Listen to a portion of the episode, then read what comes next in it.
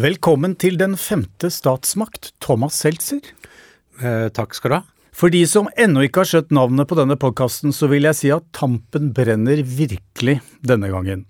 For jeg kommer ikke på noen her til lands som har mikset både det populærkulturelle og det politiske i en helt særegen sjangercocktail som deg, Thomas. Jeg trodde du skulle si som Tramteatret, men uh, ja. Takk. Men da jeg, fordi da jeg satte meg ned for å, å, identifisere noen som kunne snakke om populærkultur som noe så eksotisk som soft power, mm. altså en alternativ maktutredning, for det er jo det dette kommer til å bli, mm. så var ikke valget egentlig så vanskelig. Det er, det er ikke så mange av the usual suspects, egentlig. Du er en av de få. Eh, kan man vel si. Og, og det gjaldt bare å lokke deg, få lokket deg ned fra Trondheim. Ja, det var mye styr, men det trenger ikke lytteren å, å bry seg om. Men ja, det ja. er uh... Men altså, slik jeg opplever det, så, så har du befunnet deg i en slags ja, i en veldig interessant kulturell splittelse, slik jeg opplever det, vel å merke. Altså ved å inneha en norsk identitet og en amerikansk. Mm. Og du har skildret det i dokumentarer og skrevet om det i ymse sammenhenger. Og vi har begge vokst opp i en tid da det var fortsatt ganske eksotisk å være amerikaner i mm. Norge. Mm. Altså Jeg husker i nabolaget der jeg vokste opp, rett utenfor Oslo, så var det en som flyttet inn som hadde bodd i USA akkurat lenge nok til at vi kunne kalle ham for amerikaneren. Ja. Og, og, og eh, altså har du følt det sånn selv? Du, er det den rollen du fikk tidlig? Ja, altså jeg var jo såpass liten. Jeg var seks år når vi kom. Broren min er fem år eldre. Han fikk det vel mer. Mm. men det var, eh, det var, som du sier, eksotisk. Var, verden var jo et mye større sted på den tida, og det å skulle farte over Atlanteren, det var jo noe annet enn det det er i dag. Så eh, ja, jeg tenker Ja, det var Vi var liksom innvandrere. Altså, vi var fremmedkulturelle. Mm. Og så var det også en tid hvor det var veldig mye antiamerikanisme i Norge. Så ble, vi var litt sånn utsatt, ja. Men, men, når kom du i befatning med det begrepet? Fordi eh, det er jo ikke sånt man altså som hører, hører som barn, i hvert fall. Hvis ikke de voksne snakker om det. Nei, altså, men altså, Bare vi husker det var vanlig liksom, at USA var, det var et fælt land, et dumt land. Og det var det jo også langt på vei. Dette var jo bare året, eller var jo samme året som det siste helikopteret forlot eh, ambassadetaket i Saigon. Mm. Eh, etter Vietnamkrigen. og Eh, det var jo da også nordmenn flest fikk med seg borgerrettskampen. Folk begynte å bli obs på indianerne i USA, eller altså de innfødte. Og så jeg tror nok eh, det var en sånn oppvåkning som folk hadde. Eh, men det Ja. ja. Og, og det, det, slik opplever jo sikkert en ny generasjon det i dag, men mm. det skal vi komme tilbake til. Men, men det å Følte du tidlig at du du måtte oppklare og, og nyansere for, for, vanlige nordmenn eller venner eh, om hva Amerika var for noe. For vi, vennene dine, så det jo på TV. Uh, eh, ja, det er jo det som er uh, Altså, det, når da Dallas og dynastiet begynte å komme uh, kos, Altså, folk kjente jo til amerikansk middelklasse, sitcom, ja. verden med sofa og, og stuebord og kjøkken. og Nei, det var vel en forestilling fremdeles om at USA var eh, synonymt Eller amerikanere var rike folk. Og det var folk med cowboyhatter, og det var folk som spiste mye, og store biler, og Men så var det jo også dette som jeg skriver om i boka mi, mm. eh, om eh, USA som et som frihetens land.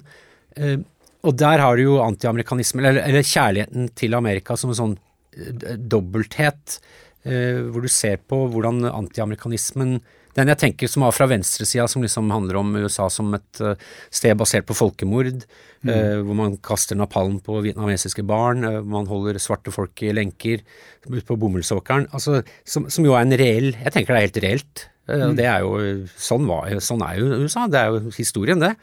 Men som jeg skriver om boka mi, eh, lånt veldig mye fra Dag Her Herbjørnerud og Stian Bromark sin bok 'Frykten for Amerika'. Mm. En veldig veldig god bok som kom eh, nå for snart 15 år siden. Ja. Som handler om De følger altså antiamerikanismen lenger bakover, og så sier de eh, er, dette, er antiamerikanismen noe som kom med napalm og bevisstgjøring rundt eh, slaveri og, og indianerfolkemordet, eller begynte den før? Og svaret deres, altså et retorisk spørsmål, ja, antiamerikanismen var jo et aristokratisk fenomen. Dette med at man hata Amerika, hata dette landet i vest, som, hus, som slavene og husmennene rømte av gårde til. Um, det ser du gjenspeilt i, i harry-begrepet. Uh, det er en som heter Ronny Ambjørnson, som er um, professor i lingvistikk, pensjonert i, i, Uppsala. Men han er fra jernbanearbeiderfamilie, altså fra tung arbeiderklasse i Sverige. Mm. Og han har skrevet en bok som heter Ron, 'Mitt navn er Ronny'. Mitt, ja, nettopp. Uh, og den handler jo om disse Du ser veldig mye av det i Sverige. Kenny, Ronny, uh, Gary, Clark, um, Benny. Altså de, de, de, som hadde de navnene der, de uh, var jo uh, De var fra arbeiderklassen. Og de fikk jo de navnene fordi at man forbandt det angloamerikanske med, med, noe, med noe som var Altså Jerry Williams uh, altså med, med, frihet og et, og et, land som ikke var et føydalsamfunn, men et land hvor, kunne, hvor, den lille mannen kunne komme og skape seg en framtid. Mm. Men, men, jeg husker jo også at Og da Harry-begrepet var jo da norske Altså Harry og ja. Doris. Harry og Doris, det var jo Det, det ble innført av, av sossekids på Oslo vest for å, for å rakke ned på arbeiderklassekultur. Da sa man noe var harry. Men det var, altså, det, med andre ord, det var litt amerikansk. Det var litt angloamerikansk. Mm. Men denne frykten for Amerika var jo bredere fundert enn Altså, den var ikke bare isolert sånn sett til venstresiden. Jeg husker Nei. jo at jeg hadde en klasseforstander på 80-tallet som eh, advarte oss elevene mot å se på Dynastiet mm. når det gikk på TV. Og det var jo den gangen eh, var det begynnelsen av 80-tallet hvor altså, det var jo ikke så mange kanaler du hadde å se på. Eh, så, så det, det, var veldig kontroversielt, dynastiet spesielt, ja. var det. Og, og, og, frykten for amerikansk videovold mm. var jo også sånn, eh, noe som hjemsøkte oss på 80-tallet, mm. begynnelsen av 80-tallet, for da kom jo på en måte ble fikk man tilgang til videovold gjennom eh, liksom, eh, nye videoformater som man, mm. da staten ikke hadde kontroll over osv. Og, mm. og da var det de amerikanske importerte filmene som man kunne be på bensinstasjonen eh, f.eks. om å, å, få låne eller leie som de hadde under disk ja, osv. Uh, ja. Hvordan, hvordan, husker du den, eh, den, fasen der? Ja, altså USA som leverandør av søppelkultur har også vært veldig tru... Altså også vært det veldig sånn demonisert, eller det, det er et mm. monster, det. USA er jo et monster som skaper For venstresida skaper slaveri og, og imperialisme og rovkapitalismen, men, men da for også da eh, som du sier, på høyresida, men også da kulturvenstre, som skaper forflatning. Mm. Ikke sant? Altså hvor, hvor, eh, opp er ned, og liksom Høykultur betyr ikke noe lenger. Det er liksom VHS-er med, med Cannibal Holocaust, eller uh, Nightmare on Elm Street uh, første, eller uh, altså spesielt, spesielt Texas Chainsaw Massacre, ja, ja, ja. som da liksom den store, store greia, hvor, da, hvor liksom altså At unga skal bli utsatt for dette her. Og jeg tror, som gammel skater også, jeg har en sånn tese om at skateboardforbudet langt på vei var et, eh, var et, en, eh, var et produkt av antiamerikanisme. Mm, mm. Så, um, så for, for, for, den gamle kultur Altså, USA for, for høyresida og aristokratiet har jo vært en, et opp-ned-land. Altså, dette var landet som ga hvite arbeiderklassemenn stemmeretten i, liksom, på 1860-tallet. Altså 50 år før de kom andre steder, ikke sant. Um, og altså, Det var et sånn science fiction-land med, med li, hvor likhetsidealet sto så sterkt. Altså, det var et mareritt. Altså, du så liksom vestlige europeiske aristokratiet og, og, og Vatikanet og sånn støttet jo sørstatene under borgerkrigen. For at det, ja, i hvert fall, de har i hvert fall slaveri, de, da. Det er bra. Mm. Og det, jeg tror det er en veldig sånn, tydelig linje mellom altså, det å være pro, europeisk proslaveri og det å være europeisk eh, høykultur, konservativ snobb. da. Men, men, denne forbudne frukten som vi begynte å få litt tilgang til eh, på 80-tallet, altså, hadde du fri tilgang til det? Var, hvordan vokste du opp? Det, ble du introdusert for en solid dose amerikansk trash tidlig? Ja, absolutt. altså Jeg har en far som jeg følte liksom at foreldre Mora mi er norsk, men hun var, mm. hadde jo gått på high school og snakket flytende amerikansk. altså var, var jo ganske amerikanisert, eh, moren min. eller er, men jeg føler liksom at foreldrene mine var en generasjon yngre enn alle andre sine. Og det er jo fordi vi, altså faren min veldig var jo vokst opp i, på 50-tallets 50 Midtvesten. altså Rock'n'roll var jo nærmest religion, ikke sant. Mm. Eh, og, og, og, og, Disney Altså, det var ikke noe Altså, det var veldig Faren min er, det, det er jo venstre, venstreside for foreldrene mine. Lå de lenger fremme kulturelt sett? Absolutt, absolutt. Ja, ja. Så det var jo Altså Jeg leste jo om Ramones i Cream Magazine, som faren min abonnerte på, altså, og Rolling Stone Magazine ikke minst. altså Han tilhørte jo da The New Left, kan du si. altså Det var rock'n'roll som var eh, på en måte religionen, og, og motkultur og undergrunnstegneserier, og vi leide Moviebox før man mm. hadde egen VHS-spiller, og da var det jo eh, vi så, så det var veldig, veldig mye Men også blanda med litt høykultur. altså Bertolucci sin Novecento, så måtte jo liksom mm. Det var plikt å se hele den, da. Jeg veit ikke hvilken av versjonen, om det var tre og en halv timersen eller om det var seks timers versjon av den, men um, så dette, dette framstår jo som en, en, ideell eh, oppstart foran eh, hva skal vi si, det populærkulturelle hegemoniet til USA, som da fulgte mm. fortløpende. Mm. Så du var jo egentlig i en bra posisjon der, da, kan man si, til å bli det du har blitt i dag? Ja, absolutt. Jeg er veldig produkt av det. Og jeg tenker altså rocken og altså den den, den sprengkraften som amerikansk popkultur eh, har hatt, og som fremdeles har i dag, selv om landet selv er på ville veier og ting ikke funker som det skal lenger, um, er, jo, er, jo, helt unik. Og mm. det er jo, det er jo det vi skal snakke om, egentlig, litt sånn kjernen her. Altså denne soft-poweren til USA. Mm.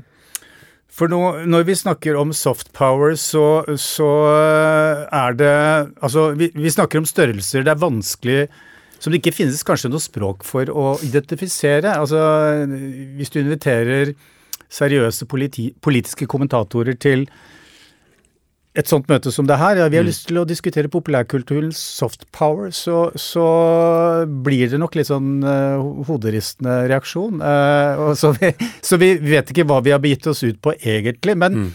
for meg og for veldig mange andre så tror jeg det handler om, uh, når det gjelder populærkultur, at og særlig amerikansk populærkultur i en periode hvor, hvor vi fikk en, en begrenset tilgang. Mm. Eh, men så på en måte åpnet jo demningen seg Altså demningen brast jo, man prøvde jo å holde det ute, men ja, Ole, Min venn Ole Martin Ile har skrevet en veldig god bok ja. om dette da He-Man kom til Norge. Nettopp, ikke sant? Ja. Og det er jo da møtet mellom trashkultur i form av Sky Channel. Mm Uh, og da liksom det å ha litt sånn kulturvenstreforeldre, da. Og det var jo, kan man si, høyreregjeringen med Willoch som, som, ga lov til å sende Altså ga lov til å åpne ut slusene for nærradio, og så mm. kom det nye TV-kanaler, og hele medie på en måte bildet endret seg i løpet av 80-tallet. Mens AKP-ML var jo, jo, de var imot elektriske gitarer for at rocken skulle være Eller rock kunne til nød gå så lenge det var litt sånn fele, sånn uh, hardingfele, da.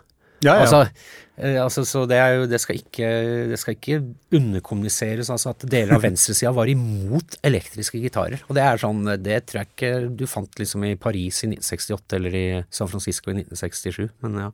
Nei, eh, men jeg nevnte det med døråpnere. Altså For meg, eh, på et lite sted rett utenfor Oslo på 70-80-tallet, så var det gradvis Altså Jeg kom fra en familie hvor, hvor, eh, det var en viss skeptisk, skepsis til amerikansk populærkultur. Mm, mm. Uh, uh, og foreldrene mine hadde tilhold på venstresida.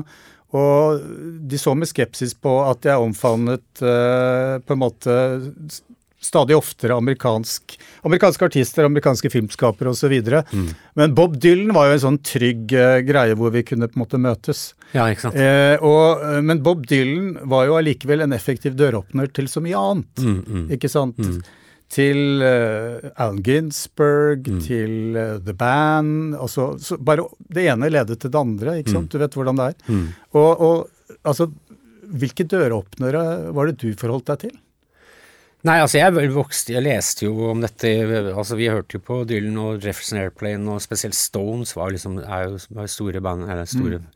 favorittband til far. som Vi kan jo bare for enkelhets skyld si at det er et amerikansk band, selv om det ikke er det. Eh, eh, de er jo mer amerikanske enn mange amerikanske band. Men jo, jeg tror at det software-begrepet er vanskelig i rent sånn statsvitenskapelige termer, eller i hvert fall tradisjonelt sett å forholde seg til. fordi at det er en Det er som du sier, det fins ikke kanskje ikke Det er ikke så målbart. Men på den annen side så er det jo det veldig mye, spesielt den kalde krigen, handla om eh, om det var Robert McNamara, forsvarsminister, som sa hvordan, hvordan skal vi vinne Vietnamkrigen? Jo, vi skal, vi skal win their hearts and minds. Mm.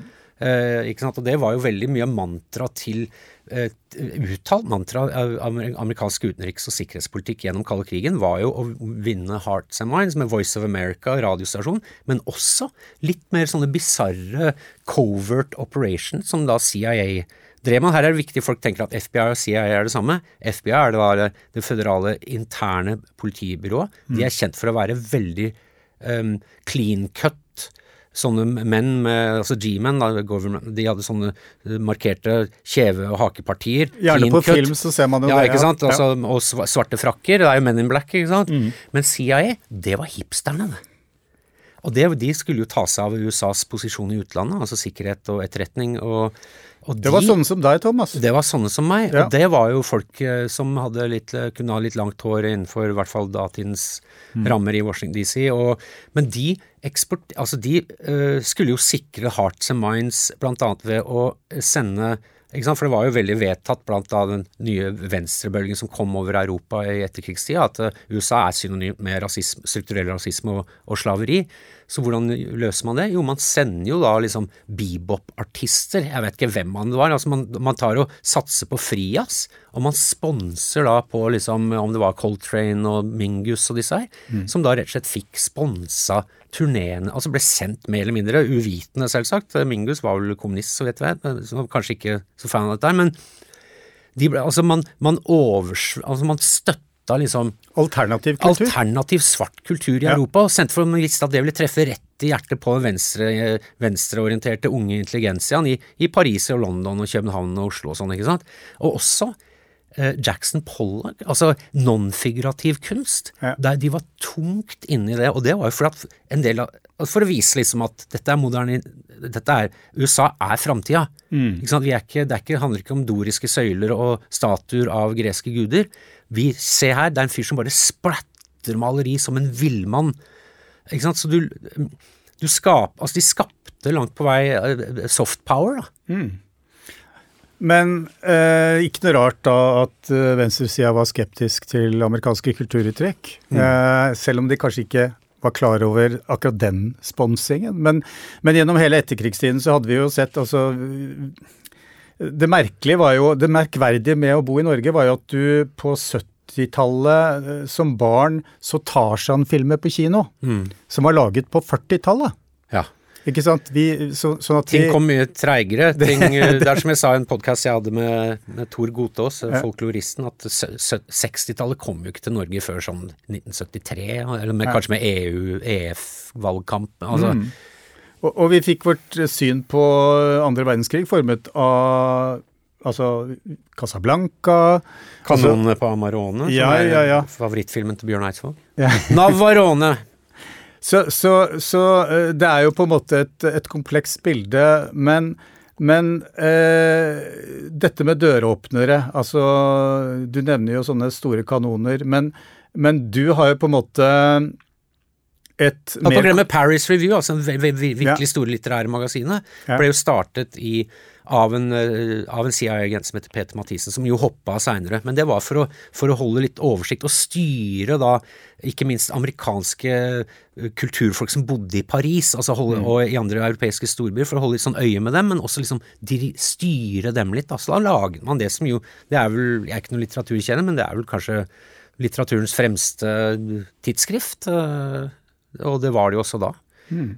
Ok, ja, unnskyld. Nei, altså eh, Du har jo et komplekst sammensatt eh, populærkulturell sensibilitet. La oss si det på den måten. Den flotte måten. Men, men Og der er det, er det, jo plass til mye, bortsett fra Stones og, og de døråpnerne du nevner. Men, men, var det liksom musikken, rocken, som på en måte kom først? Ja, for meg så var det nok det. Altså, det er jo ja og, og sist, for den saks skyld? Uh, ja. Men jeg tenker at det, og den posisjonen har jo USA. Altså. Apropos soft power, bare for å Jeg vet ikke, det fins noen teknisk definisjon av det, men altså hearts and minds, altså hvordan, mm. hvordan vinne den ja. kalde krigen uten våpen. Det er jo en grei og, definisjon. Ja. ja eh, det sies jo at da Beatles spilte på Ed Sullivan Show i uh, eh, 63, eller når det var, uh, altså, og, og, hele USA fikk med seg uh, I Wanna Hold Your Hand, eller hva det var, mm. så sies det at det var et krisemøte seint på kvelden i Kreml, hvor disse i politbyrået så på hverandre og sa kamerater, vi har tapt. Ja. Og du, selv om det er bare en historie, så tror jeg det er veldig mye i det. Ikke sant? Og det ble jo også da det som førte til Kaldemurens Nei, Kaldemurens, Berlinmurens fall. ikke sant, Fram til det at man med Levis-bukser, eh, rock ikke sant, hvordan man liksom det ble, det, for, for, for, for, sovjetisk ungdom så var det da liksom De ville ha det. Ja. Eh, og så ble det jo sagt på back in the day, det var litt søtt, man sa at det har ikke vært krig mellom to land som har eh, McDonald's. Mm. Også, det har det jo i senere tid, så har det jo blitt ja. det. Men eh, det var jo noe med at det var jo Pax Americana var jo da et USA hvor da popkulturen ikke minst er da fellesspråket. Og jeg tenker det er vel det kanskje foreldrene dine prøvde å skjerme deg fra, var en slags form for kontaminasjon, da. Ikke sant? At det, at det du ville bli innlemma i på en måte det hegemoniet. Mm. Dersom du ble for glad i dynastiet ja. eller i video kannibalfilmer. Jeg så uh, Ken Burns sin dokumentarserie om Vietnamkrigen, hvor uh, en amerikansk altså Jeg tror rett og slett det var en CIA, uh, ansatt i CIA, eh, agent eh, i perioder, eller han var i lederfunksjon, og han snakket om at eh, ja, han var ikke så begeistra nødvendigvis for liksom, motstanden mot Vietnamkrigen, men det han digget, var musikken som oppsto gjennom motkulturen, mm -hmm. som protesterte mot Vietnamkrigen. Mm -hmm. uh, han sa et eller annet om at uh, 'the best goddamn music ever produced in this country'. Ja. Og, og, høre en, en uh, Djevelen si? har alle de gode låtene, var det vel noen som ja, sa. Ja. ja. Altså, og Det er jo et veldig interessant perspektiv. Det var jo også det at altså, du hadde en supermakt som hadde en populærkultur som var så uimotståelig mm. at det nærmest selvfølgelig ble kalt for en slags uh, djevelens forføreriske verk. Mm, mm. Ja, altså det har jo veldig appell, altså rocken og, og det har Altså det som vel er den største uh, internasjonale popkulturen i dag, er, er, vel det, skal vi si, den urban amerikanske, altså svart amerikanske, altså hiphop og R&B og Altså det er vel det, er det mest populære. Jeg tenker Michael Jackson må vel, kan vel ikke si noe annet enn det er verdenshistoriens største artist. Også globalt sett, da. Um, ja. Eh, så Nei, det var jo interessant med Altså, amerikanske arbeidsgiverforeningen prøvde jo å lage en, mot, å lage en egen hippiebevegelse som heter Up With People. Hva, hva da? Up With People. Ja. Altså General Motors og DuPont og sånn pumpa masse penger inn i å lage en hippiebevegelse som ikke var antikrig, og som ikke var eh, pro cannabis. Mm. eh, og det fantes jo Up With People i Norge også. Eh, for øvrig, jeg skriver om det i boka mi, men den, det mest negative ut av dette er at REM-låta 'Shiny Happy People' handler om Up With People. Og det er kanskje mest irriterende låta jeg veit om. ja. Eh, altså, jeg gjorde et intervju med deg for et uh, par år siden eh, når du kom med Uksa-dokumentaren din, og da var, lot vi tittelen være 'Vi som faktisk elsket Amerika'. Bra. Eh, og du viste jo da til Jens Bjørneboes legendariske utsagn om at eh, ja, vi, elsker, vi som elsket Amerika, elsker ikke Amerika lenger eh, pga. Vietnamkrigen. Mm. Eh, og du mente at eh, Men Jens Bjørneboe hadde da heller aldri elsket Amerika. Det var Nei. på en måte koketteri eller, eller, eller en slags uh, posørinnstilling. Ja. Ja, nei, det, det er jo tatt fra Herbjørnrud og, og Bromark sin ja. bok. altså Hvordan han som eh, konservativ, kulturkonservativ riksmålmann i 1952 som 32-30-åring skrev sånn det, det, amerikanske i oss skrev sånn essay i et sånt kulturkonservativt tidsskrift da, som handla om at mm. lykken i USA, det er, eh, det er glorete bilder liksom fargebilder i et blad og hermetisert ananas. Og så tenker jeg, hvem, hvem var det som ikke ville drept for en boks med hermetisert frukt i 19 i rasjoneringstidens Norge, liksom? Altså, det viser egentlig en veldig ovenfra ned-holdning, da. Så um, Nei, jeg tenker og dette ble, ble, jo så sømløst overført inn i, i liksom venstreradikal kritikk av USA, mm. tenker jeg, for, for, en del av disse venstre-radikale som jo kom fra, fra fornemme familier. Men det er også interessant dette med at hvis man kjøper den amerikanske popkulturen, så blir man innlemma i liksom, da, da, er du styrt av Pentagon. Og det er liksom, Hvis du ser litt sånn, ser på Latin-Amerika, så stemmer ikke det helt. Altså baseball, som det staves, B-I-S-B-O-L, er, jo, er jo virkelig den største sporten på Cuba. Også veldig svært, tror jeg, i liksom Altså det er det liksom venstregeriljaen i El Salvador og, liksom, og i Colombia sånn, er det én ting de virkelig ser på, så er det jo liksom Ok, de ser på fotball, men baseball også. Veldig svært. Ja. Sånn at eh, liksom, man tar det for gitt. og Jeg tipper liksom Shakira og sånn, sikkert ganske De spiller nok det på geriljaleirene inne i jungelen i Colombia, men det er noe med men Hun er jo derfra sjøl, men altså allikevel hvordan dette amerikaniserte prosessert gjennom Miami, da, kan du si. Mm. At det er liksom er det, Hvis, hvis unga begynner å høre på det, så er det Da er vi bare underlagt et slags sånn McDonald's Disney-helvete. Mm. Men man kan kanskje si at eh, for deg så har det og som for mange andre også, har det, har det, på en måte skjedd en endring i hvordan du ser på USA. Eh, det er i hvert fall mitt inntrykk i løpet av de siste årene. Eh, og det, det, det kunne man jo tydelig se i serien. Uh, og du toucher borti det i, i, det du har skrevet også. Altså det Altså, vi som elsket Amerika, det er nesten så du faktisk i dag kan si det samme som Jens Bjørnboe. Mm. Ja, altså jeg elsker du, du, fremdeles du, Amerika, jeg, og jeg tenker jo som som da Leonard Cohen sa i en av sine siste sanger at uh, You might not like America, but you won't like what comes after America. Mm. Eh, da snakker vi jo Kina, da snakker vi jo også eller en global tekno, overnasjonal på en måte Så jeg, det tror jeg Altså for å se på hva, hva, det er jeg elsker med Amerika, så kan man jo også se kilden til hvorfor så mye bra populærkultur har kommet derfra. Mm. Og det er nemlig USA, det amerikanske drøm, drømmen altså amerikanske drømmeprosjektet. Og um, også det, det, egalitære som ligger i Altså likhetsprinsippet som faktisk ligger i grunnvannet i USA. Som gjorde at en, en lastebilsjåfør eh, fra Mississippi, lastebilsjåførsønn fra, fra Mississippi uh, kunne bli kongen av rock, og en, en stålarbeidersønn fra Gary, Indiana kunne bli kongen av pop, altså Michael, uh, Elvis Presley og Michael Jackson.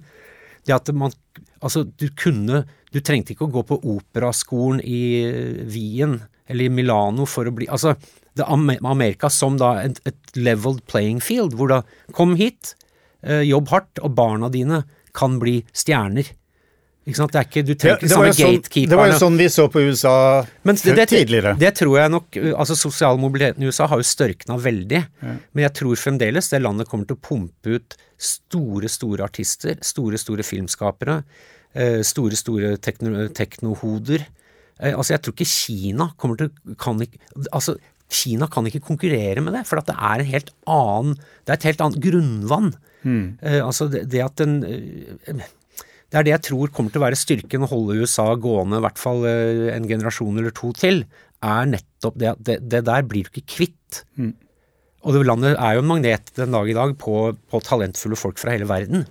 Og, og, det er jo, ikke sant uh, Før vi gikk i studio her, så snakket vi av en eller annen grunn som jeg ikke husker helt, om Sid Field, som var en manusguru. Store deler av den vestlige filmbransjen var veldig opptatt av mm. Eh, i mange år. Eh, og han var blant de guruene som etablerte en slags fortellermåte eh, som er knyttet opp til Hollywood-modellen, mm. som jo har vist seg å være ufattelig effektiv også i, i, i, for filmfortellere mm. i Europa særlig. Mm. Eh, og norsk film i dag er jo egentlig eh, veldig influert av den måten å fortelle historier på. Mm. Eh, du kan jo si at eh, den er ikke så dramatisk annerledes enn det Aristoteles sto for. Mm. Eh, men likevel, altså eh, Amerikanerne gjenintroduserte den eh, for all verdens filmfortellere og viste hvor effektiv den kunne brukes. For å si det sånn, altså Sør-California altså California ja. blir jo regna Hvis det hadde vært et selvstendig land, så ville det vært verdens eh, åttende store, største økonomi eller sånn. Mm. Men altså Sør-California er jo En eller annen som sa at økonomien i Sør-California er, er, drevet av tre ting. Det ene er real estate, altså eiendom. Det andre er jo våpen, eller aerospace, som det så fint heter. Mm. Og det tredje er uh, effective narratives, og da snakker vi Hollywood. Mm. Altså det å lage det å for, Altså historiefortelling mm. er da Altså en så, eller i hvert fall har vært en så sentral del av dette som er en av verdens største økonomier. Og, og disse manusguruene reiser rundt i verden på turné og holder kurs og workshops hvor de forteller om hvordan denne modellen skal være. Og det er klart at den vil jo også da møte motstand. Men, men eh, og, og, sett på som en, en, en, slags form for kulturimperialisme, ikke sant. Eh, Selv om det i prinsippet da er det samme som Aristoteles sa for mange år siden. Men, mm. Men, men uh, det, altså De har greid å Det er grunnen til at indere er inspirert av den eh, storyen der, uh, enn at resten av verden er, prøver å lage Bollywood-filmer. Heldigvis. Ja, det kan du si. Altså Hollywood er noen hakk bedre enn Bollywood, er lov å si uten å være hvit mann ja, 50 her. Det var det jeg skulle eh, frem til, egentlig. At, altså, altså eh, man, må, man kan si mye om denne fortellerkulturen, men den er så toneangivende at man kan på en måte ikke ignorere den. Du, den er der, in mm. your face. Mm. Og det er jo det vi har vært konfrontert med. og uh, du kan gjerne være en eksponent for uh, en type filmfortellinger som skal fortelle på en helt annen måte, men da må du allikevel for, forholde deg til den. Du må kunne reglene før du bryter reglene, og reglene, ja. det er Hollywood. Ja. Mm. Uh, hvordan, hvordan, har det påvirket oss? Og litt Godard. Ja, ja, men hvordan har det, altså Jeg vet ikke hva slags forhold du har til film. Nå har jeg en veldig sånn forankring i filmens verden.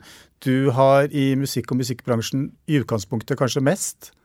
Ja, nei, jeg er ikke noe sånn filmnerd. Selv om du altså. nå er all over the place ofte. Ja. ja. Eh, eh, hva, hva, tenker du om det? Altså Jeg tenker at de store det er også litt underkjent på venstresida. Altså, altså westernfortellingen. Westernfilmen. John Houston. Altså western med, med Shane.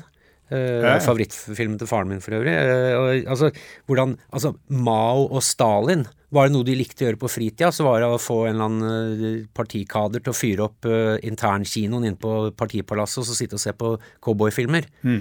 Og det er jo, den urfortellingen der er jo en, en historie om makt eh, mot eh, Altså grasrotmakt mot overmakt. Det er jo liksom den enslige cowboyen mot Eller den lille landsbyen mot uh, de store landeierne. Altså det er jo det er, Altså de, de, historiene der er jo Altså det er jo tidløse. Mm. Og hvordan man da Og det er litt morsomt da at disse som da fryktet etter hvert, tenker jeg, soft power, amerikansk soft power aller mest, var liksom veldig fans av, av den selv. Ja, ikke sant. Uh, men, men uh, du nevner Shane. altså Dette er jo filmer uh, Jeg husker jo Shane. Den gikk jo Shane! ja, ja.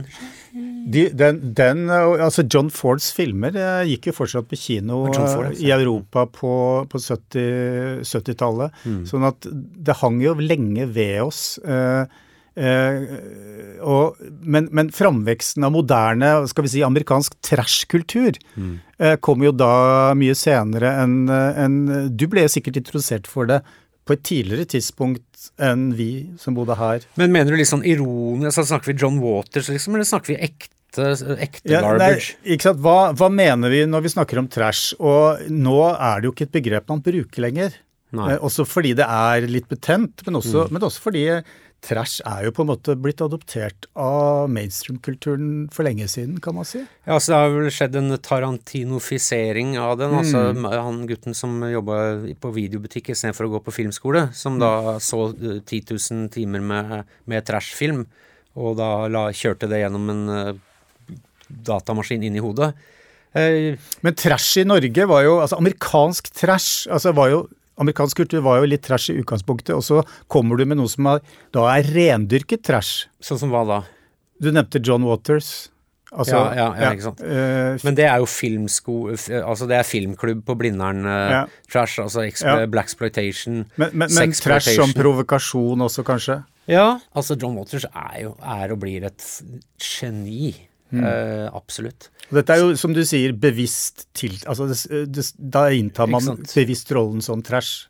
Jeg tenker eh, eh, Kjetil Rollnes kunne, han har jo skrevet ja. mye godt om dette her, syns jeg. Og skal ha honnør for å liksom være tidlig ute med å sette et akademisk søkelys på, da, på trashkultur, mm. og gi den honnør for hva den er. Og det er jo en kultur som har bred appell.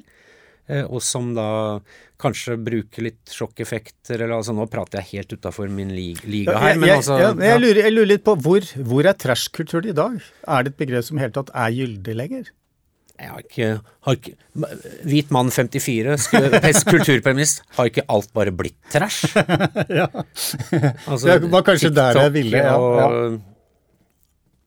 Ikke sant? Når da de, de, de tidligere statskanalene, eller monopolistiske, monolittiske statskanalene, nå har, sender jo direktiv til lag filmer som er 80 minutter lange, ikke noe mm. mer. For at det skal passe innenfor da et SoMe-show, altså reels-format. Mm. Så tenker jeg at da men, men, men, her er jo teknologien også da, som, som skaper formatene også. Så. Men så har vi jo en kringkaster som nå har gått til det uortodokse skrittet å gi oss makta. Som jo da er en eh, svært uvanlig skildring av den norske politiske historien. Ja, det at de viser uh, elskutere og uh, nettopp, og de viser barcode ja, og sånn. Ja, man tar ja, noen grep der Man bryter litt med den tradisjonelle historiske norske filmen, da. Ja, ikke sant. Serien. Nei, det er jo et problem. Så, Oslo så Plaza tror jeg vel har, har, vært et problem for mange norske filmskapere ja. når de skal vise Vestav, skal lage Vestavind og altså Men er det, er det det som ble kalt, uh, tidligere kalt uh, Arbeiderpartiets rikskringkasting, som da kaster fra seg det Arbeiderpartiet åket en gang for alle, da, kanskje? Få, det er jo luft, kanskje det, men på den annen side så er vel den hyllest Den filmen er på en måte langt på vei en sånn, liksom, det, For det er jo litt trash. Serien, men, ja, men jeg, jeg, har ikke sett den helt ennå, men jeg er, jo, jeg er jo vokst opp ved siden av Raulf Steen, og han er en god venn av familien, og er veldig, jeg er veldig glad i Raulf. Så jeg tenker at den kanskje er litt for hard eh, altså når det gjelder drikking. Altså Rauf var jo en av de virkelig store visjonærene i, i, norsk politikk, og jeg tenker Thomas Seltzer går hardt ut mot makta. Nei, jeg, men, jeg, men, jeg, har ikke fått sett den ennå. Men jeg tenker det er jo en feiring av eh, skal vi si høyresiden i Arbeiderpartiet sin seier, da. Eh, mm. og også det som da skulle bli teknokratiet, ja. som vel er en grunn til at det, er, det, partiet kanskje ikke gjør det så bra lenger. Og det vet jeg ikke om de berører i den, de, så det skal ikke, jeg skal ikke dømme nei, eller jeg, jeg, jeg, vil jo si at de gjør det, jeg nevnte det nå også, fordi det er jo faktisk en dose trash i serien, men det kan man komme inn på en annen gang, og ikke minst når du har sett serien. Men la oss, la oss heller, heller gå tilbake til dette med øh, vi som elsket Amerika, og kan man si at Har du hatt en sorgprosess på vegne av Amerika etter, etter Trump? Nei, absolutt ikke. Nei? Du er, du er, urokkelig i troen på fundamentet? Ja, eller altså man kan jo Altså det som jo truer det amerikanske prosjektet, er den markedstilnærmingen, eller mm. altså markedsliberalismen, som jo har ridd Som har ødelagt veldig mye av USA de siste, altså fra Reagan. Mm. Det er også noe annet, for jeg er jo veldig kritisk til Reagan, men altså den gamle kritikken av Reagan var at han er en cowboyskuespiller.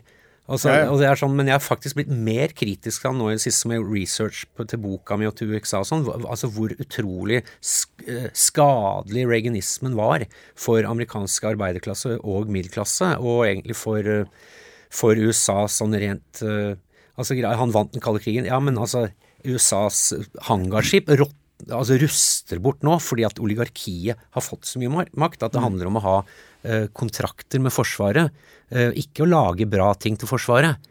Sånn at eh, den på en måte perverteringen av den amerikanske drømmen, eh, det er jo en veldig Jeg tenker at det er eh, en trussel mot soft power som jeg tror kommer til å svekke softpoweren veldig også i for, tida men, som Viet, eh, kommer. Vietnamkrigen styrket jo amerikansk softpower mm. på sett og vis. Uh, men her snakker du om at det skal altså jeg får tenker, en motsatt effekt, ja. Uh, altså Etter hvert som den sosiale mobiliteten uh, Jeg tror sånn 60% av de som går på Ivy League, uh, altså eliteuniversitetene i USA i mm. dag, er barn av folk som har gått der selv, eller har rike foreldre. Altså, mens i gamle dager så var det, er jo en high school i Bronx, altså i slummen i New York, som da i løpet av 20-, 30-, 40-tallet hadde har produsert fem nobelprisvinnere.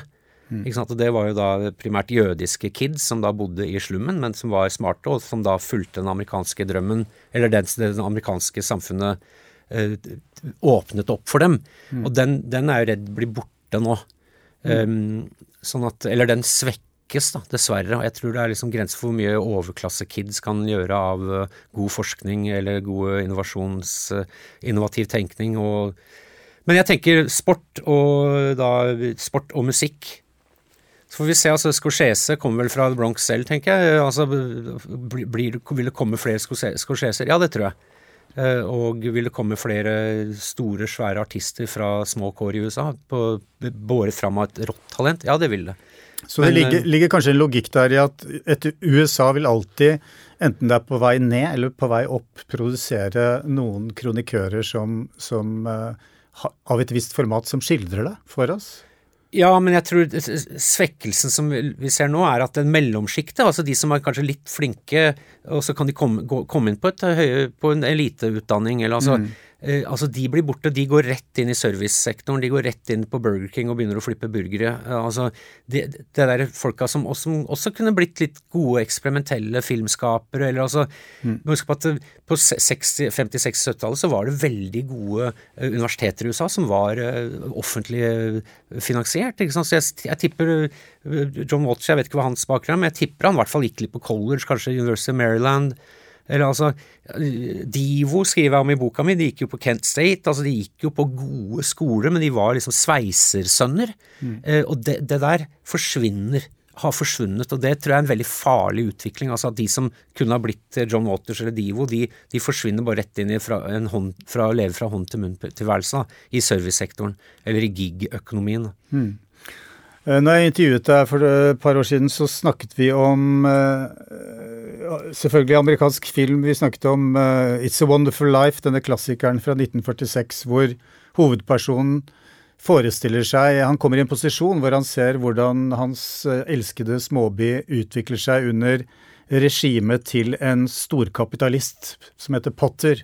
Mm. Og så får vi Potter Will. og du på en måte opplevde jo det samme når du fikk se marerittversjonen av den amerikanske drømmen i UXA, altså i en småby i Kentucky, mm. der en opioidepidemi ble drevet fram av korrupte leger, annet. Og mm.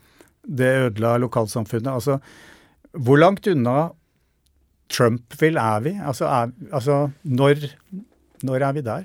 Jeg tror, altså, For ti år siden så ville jeg ikke brukt begrepet oligarki om, om USA, men det Nei. er full, full, dekning for å gjøre nå. Altså, det er jo tre, De tre rikeste amerikanere eier jo mer enn eh, den fattigste halvparten av befolkningen. Og vi ser en voldsom konsentrasjon av makt, også da med tech-guruene. Uh, og det er også en felle jeg tror folk går i. Man tenker at Silicon Valley, det er, det er San Francisco, det er, sånn, det er litt batikk ennå. Det er, dette er folk som har tatt litt LSD, i hvert fall røyka en del pott. Mm. Men altså i miljøet rundt Stanford, Palo Alto, ideologisk be, veldig, veldig brunt. Altså dette er eh, altså det som Peter Thiel forfekter, ja, ja. Elon Musk nå har begynt å tone flagg på. Altså Det er et veldig, veldig reaksjonært miljø. men, men hvor som, kommer den regningen fra? Hvor, den, den kommer jo ikke over natta. Den har vel Nei, den har vært altså Stanford det er en uh, ung uh, marxist er det vel, som heter Malcolm Harris, som har vokst opp i Palo Alto, som har skrevet sånn murstein, og som jeg har greid å lese liksom ti sider av, men den handler jo om Silicon Valley, mm. og egentlig moderne, altså tech-kapitalismens uh, røtter, og hvordan det starta på Stanford, som da Stanford, Man snakker om amerikanske campuser ditt og datt, altså, men Stanford har jo alltid vært et høyrevridd De har jo et institutt der som heter Hoover Institute, som, altså Hoover som var presidenten som ga verden børskrakket. Mm. Mm. Fordi at han deregulerte og lot eh, Wall Street få gjøre som de ville. Så dette her er en Altså er, man, tror, man, tenker jo på California som, da et, eh, som hippie og fri sex og kul musikk og kule klær og surfing og sånn, men altså den, den historien om Stanford og Palo Alto og, og, Silicon Valley er Der er det lange tradisjoner med eugenikk, blant annet. Altså rase, rett og slett rasehygiene, sånne ting. Mm. Uh, innledningsvis hadde jeg egentlig tenkt å spørre deg om hva, hva, består, hva består din amerikanske identitet av? Men så kom jeg fram til at uh, den amerikanske identiteten er et sånn vanvittig blandingsprodukt at mm. det er jo egentlig kanskje umulig å definere.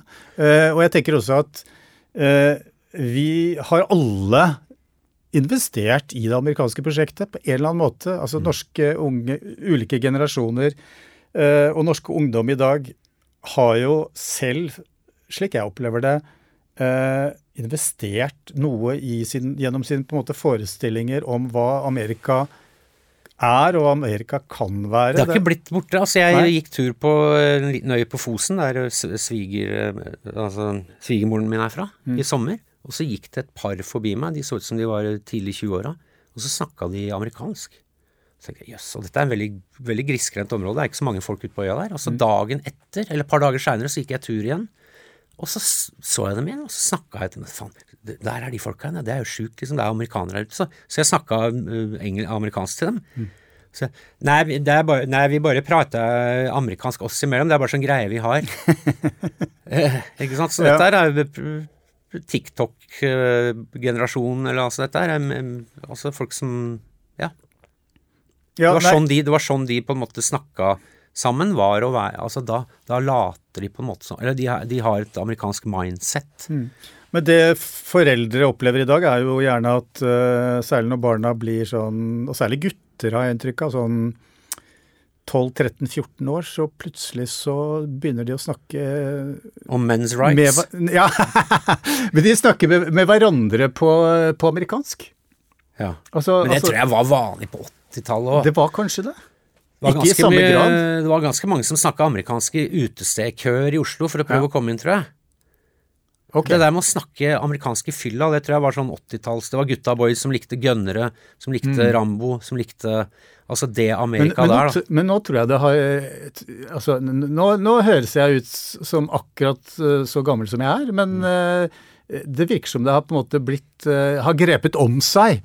Altså at, at, det rett og slett er eh, Det er en del av språket i en stor grad? Da, ja, men jeg tror barn, eh, altså Vår seksåring, hun snakker jo Eller hun forstår alt, eh, stort sett alt av engelsk. Mm. Og, og, det er jo, det er jo YouTube, rett og slett. Og ja, ja. det er um, Men sånn har det vært. Det er litt morsomt, for jeg bor Nå høres vi håpløst uh, gamle ut, så jeg, jeg beklager at jeg trakk dro inn Treåringer sveiper, og jeg skjønner ja, ja. Treåring, treåring kan mer om data enn det jeg kan.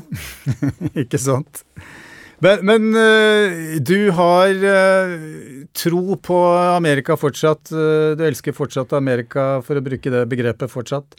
og det er jo bra, men, men hva, hva tror du om veien videre? For sist gang jeg snakket med deg, så så, så, kom du med noen spådommer som viste seg å holde stikk. Altså du, du sa helt klart ifra at og dette var før det amerikanske valget, Trump ville ikke akseptere valgnederlag, og Trumpis, trumpismen ville ikke så lett forsvinne. Nei. Eh, det var ikke noe sånn sensasjonell spådom, men nei, det viste seg å medføre riktighet. Hva, hva, tror du om veien videre nå? Nei, altså Må huske på at velgere flest i USA er jo demokrater. Mm. Altså halv, det er Halvparten av senatet som representerer demokratene, representerer jo 40 millioner flere amerikanere. Så det republikanske partiet er jo et mindretallsparti, og det har det jo vært i mange, mange år. Ja. Og gamet deres er bare å få nedbygget eh, demokratiet, dessverre. Uh, og um, altså, det er vanskelig å si altså, det, Man skal ikke utelukke at Trump eller noen i, noe i hans sted kan vinne valget nå, som kommer nå til neste år. Uh, det vil nok være ganske katastrofalt, både for USA og også resten av verden. Fordi da mm, Jeg tror det kommer til å gjøre ting med Altså Han sier jo rett ut Han skal jo bare ta motstanderne sine. Altså, han kommer til å erklære open season mm. på egentlig alt han oppfatter som sine fiender. Eh, og eh, bruke statens voldsmonopol mot det. Og så kommer jo også Nato kommer til å være en ganske kinkig situasjon. Eh, sånn at um, det, er, det, er noe, det, er, ikke noe, hyggelig scenario. Og hvis folk tror at ja, men er, de konservative kommer til å vinne altså Det republikanske partiet er ikke konservativt, det er et radikalt parti. Mm. Um, sånn at um, But democracy will prevail, eller kanskje Jeg ikke? tenker jo det Jeg tenker de utviklingene jeg har sett nå, ikke minst med fagbevegelsen i USA, som nå er i ferd med å gjenreise seg på en ganske gloriøs måte, men største hotellstreiken noensinne nå i sommer, store streik på UPS, som er en av de store arbeidsgiverne i USA, altså transportselskap som de vant, og nå sist i forrige uke med en enorm seier for bilarbeiderne. Og hvordan eh, fagforeningsledere i USA nå snakker, er noe helt annet enn de gjorde for 30 år siden. Nå, de snakker åpent om klassekamp. De går med Eat the Rich-T-skjorter og sier at Høyresida sier at vi må, ikke, vi må ikke ildne opp til klassekamp, men den er Oligarkiet har drevet klassekamp mot den amerikanske arbeiderklassen i generasjoner nå. Nå er det bare på tide å svare. Og Det er veldig Det at Trump drar ned til, til Detroit for å møte streik, det som i gåsehendene, altså streikende bilarbeidere, er jo, ville jo vært utenkelig for en republikansk president uh, før, men nå gjør man det. Nå, kampen om USA handler jo nå om kampen om denne grasrota, og grasrota i USA er, ganske, er ikke så reaksjonær, skjønner du grasrota i USA er ganske progressiv. De liker ikke Nå snakker jeg om folk på høyresida. De liker ikke at det skal være penger i politikk. Altså, se på retorikken til Trump. Han gikk ikke ut Altså, han gikk jo inn og sa 'jeg skal ta eliten'. Send meg, og jeg skal ta eliten. Og mm. Hillary, hun er eliten. Hvilket stemmer helt. Sånn at så vi får kanskje se mindre av den, den derre tropen med eh, amerikansk grasrotperson med caps sitter på en diner og snakker om hvor forferdelig det er med, med meksikanere og, og jo, altså, liberale og woke og USA, hele pakka. Men USA forandrer seg jo, ikke sant. Og du mm. ser på at Trump har vunnet arbeiderklassen. Ja, han har vunnet en del av den hvite, gamle arbeiderklassen, men arbeiderklassen i USA nå er, begynner å bli mer og mer eh, kvinnelig og mer og mer brun. Mm. Sånn at det store, og det vet jo altså f.eks. amerikanere med under 50 000 dollar i inntekt i året, de stemte nesten utelukkende på, på Biden. Mens Trump sine kjernevelgere, virkelig kjernevelgere, er da folk som tjener over 100 000 dollar i året. Så det, de gamle skillelinjene er der fremdeles, men det er bevegelser der. Og Trump vant jo valget i 2016 med 78 000 stemmer i tre gamle rustbeltestater. Så det er, det, er flere, det er, flere, faktorer, det er flere historier som skal fortelles her. Mm. Men jeg tror kanskje vi skal trekke fram det positivt med Trumps innmarsj, er jo det at de har, de har kjørt ut klasseretorikken såpass hardt, republikanerne nå at det er vanskelig for dem å snu. Um, og um, uh, f.eks. det at han drar og later som Han holder tale fordi han later som er streikende bilarbeidere, men det var også en fabrikk som ikke er, ikke er organisert, og så var det et par folk som hadde sånn union members for Trump, og så kom lokalavisa og spurte hvilken avdeling er du i av United Auto Workers? Nei, nei jeg er ikke en fag, fagforening, jeg bare fikk utlevert det skiltet her. Men det er jo begrensninger når det gjelder soft power. altså Det er ingen amerikansk president eller politiker som drar til Hollywood for å støtte relativt velstående skuespillere i deres streik og kamp uh, for bedre vilkår. Selv om et flertall av, av skuespillerne vet vi jo er, har stort sett ganske dårlig råd. Mm, mm. Uh, men det er jo et interessant uh, fenomen det også, at det, det tar seg ikke så bra ut å dra til Hollywood og prøve å Eh, si noe til vanlige amerikaner derfra. Nei, det, det, det går ikke. Så det, det, skal man vel se langt etter. Men ja. Eh, det er jo et veldig Og det at Biden gikk nå streikevakt eh, sammen med bilarbeiderne, altså det er jo et veldig Jeg så uh, Obamas uh, hovedrådgiver var rasende og sa hva er dette for noe? Liksom, er, liksom, dette går ikke, det er ikke lov. Altså selv altså Obama Det har jo Altså Det har høyremedia i USA og mainstream-media i Norge og Europa ellers har jo dette felles at de fremstiller folk som Obama, Bill Hillary Clinton og Biden som blanding av Einar Gerhardsen, Che Guevara og, og Robin Hood. Mm. Det er det ikke. Altså De er Jan Petersen-høyre. Det er det ja. de er. Men det, at, så, så det, vi ser hos Biden nå, er jo en, er jo en venstredreining i økonomisk politikk som, veldig, som jeg syns er veldig bra. da. Mm. Til slutt, eh, vi har hatt en episode i Den femte statsmakt tidligere om eh, Trumps vei til makten gjennom The Apprentice. Mm -hmm. Og da var vel konklusjonen at han hadde vel ikke blitt president uten det programmet, som stolte ham inn som the perfect salesman. Jeg tenker på Erlend Elias, det han gjorde i Farmen kjendis. Altså at ja. han kanskje skal ta over Høyre. Ja. For Nei.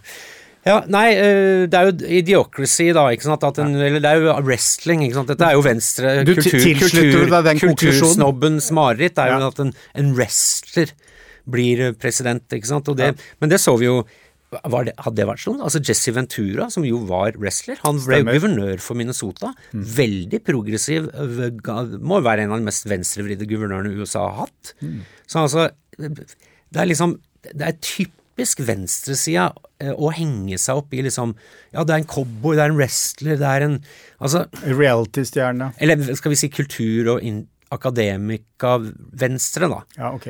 Uh, så Ja, ikke sant. Så det er jo Nei, jeg tenkte Jesse Ventura, altså en wrestler blir president i USA, kjempebra. Vet du hva, det kan bli det avsluttende ordet her i dag. Tusen takk for at du ble med, Thomas Seltzer. Takk for at jeg fikk være med.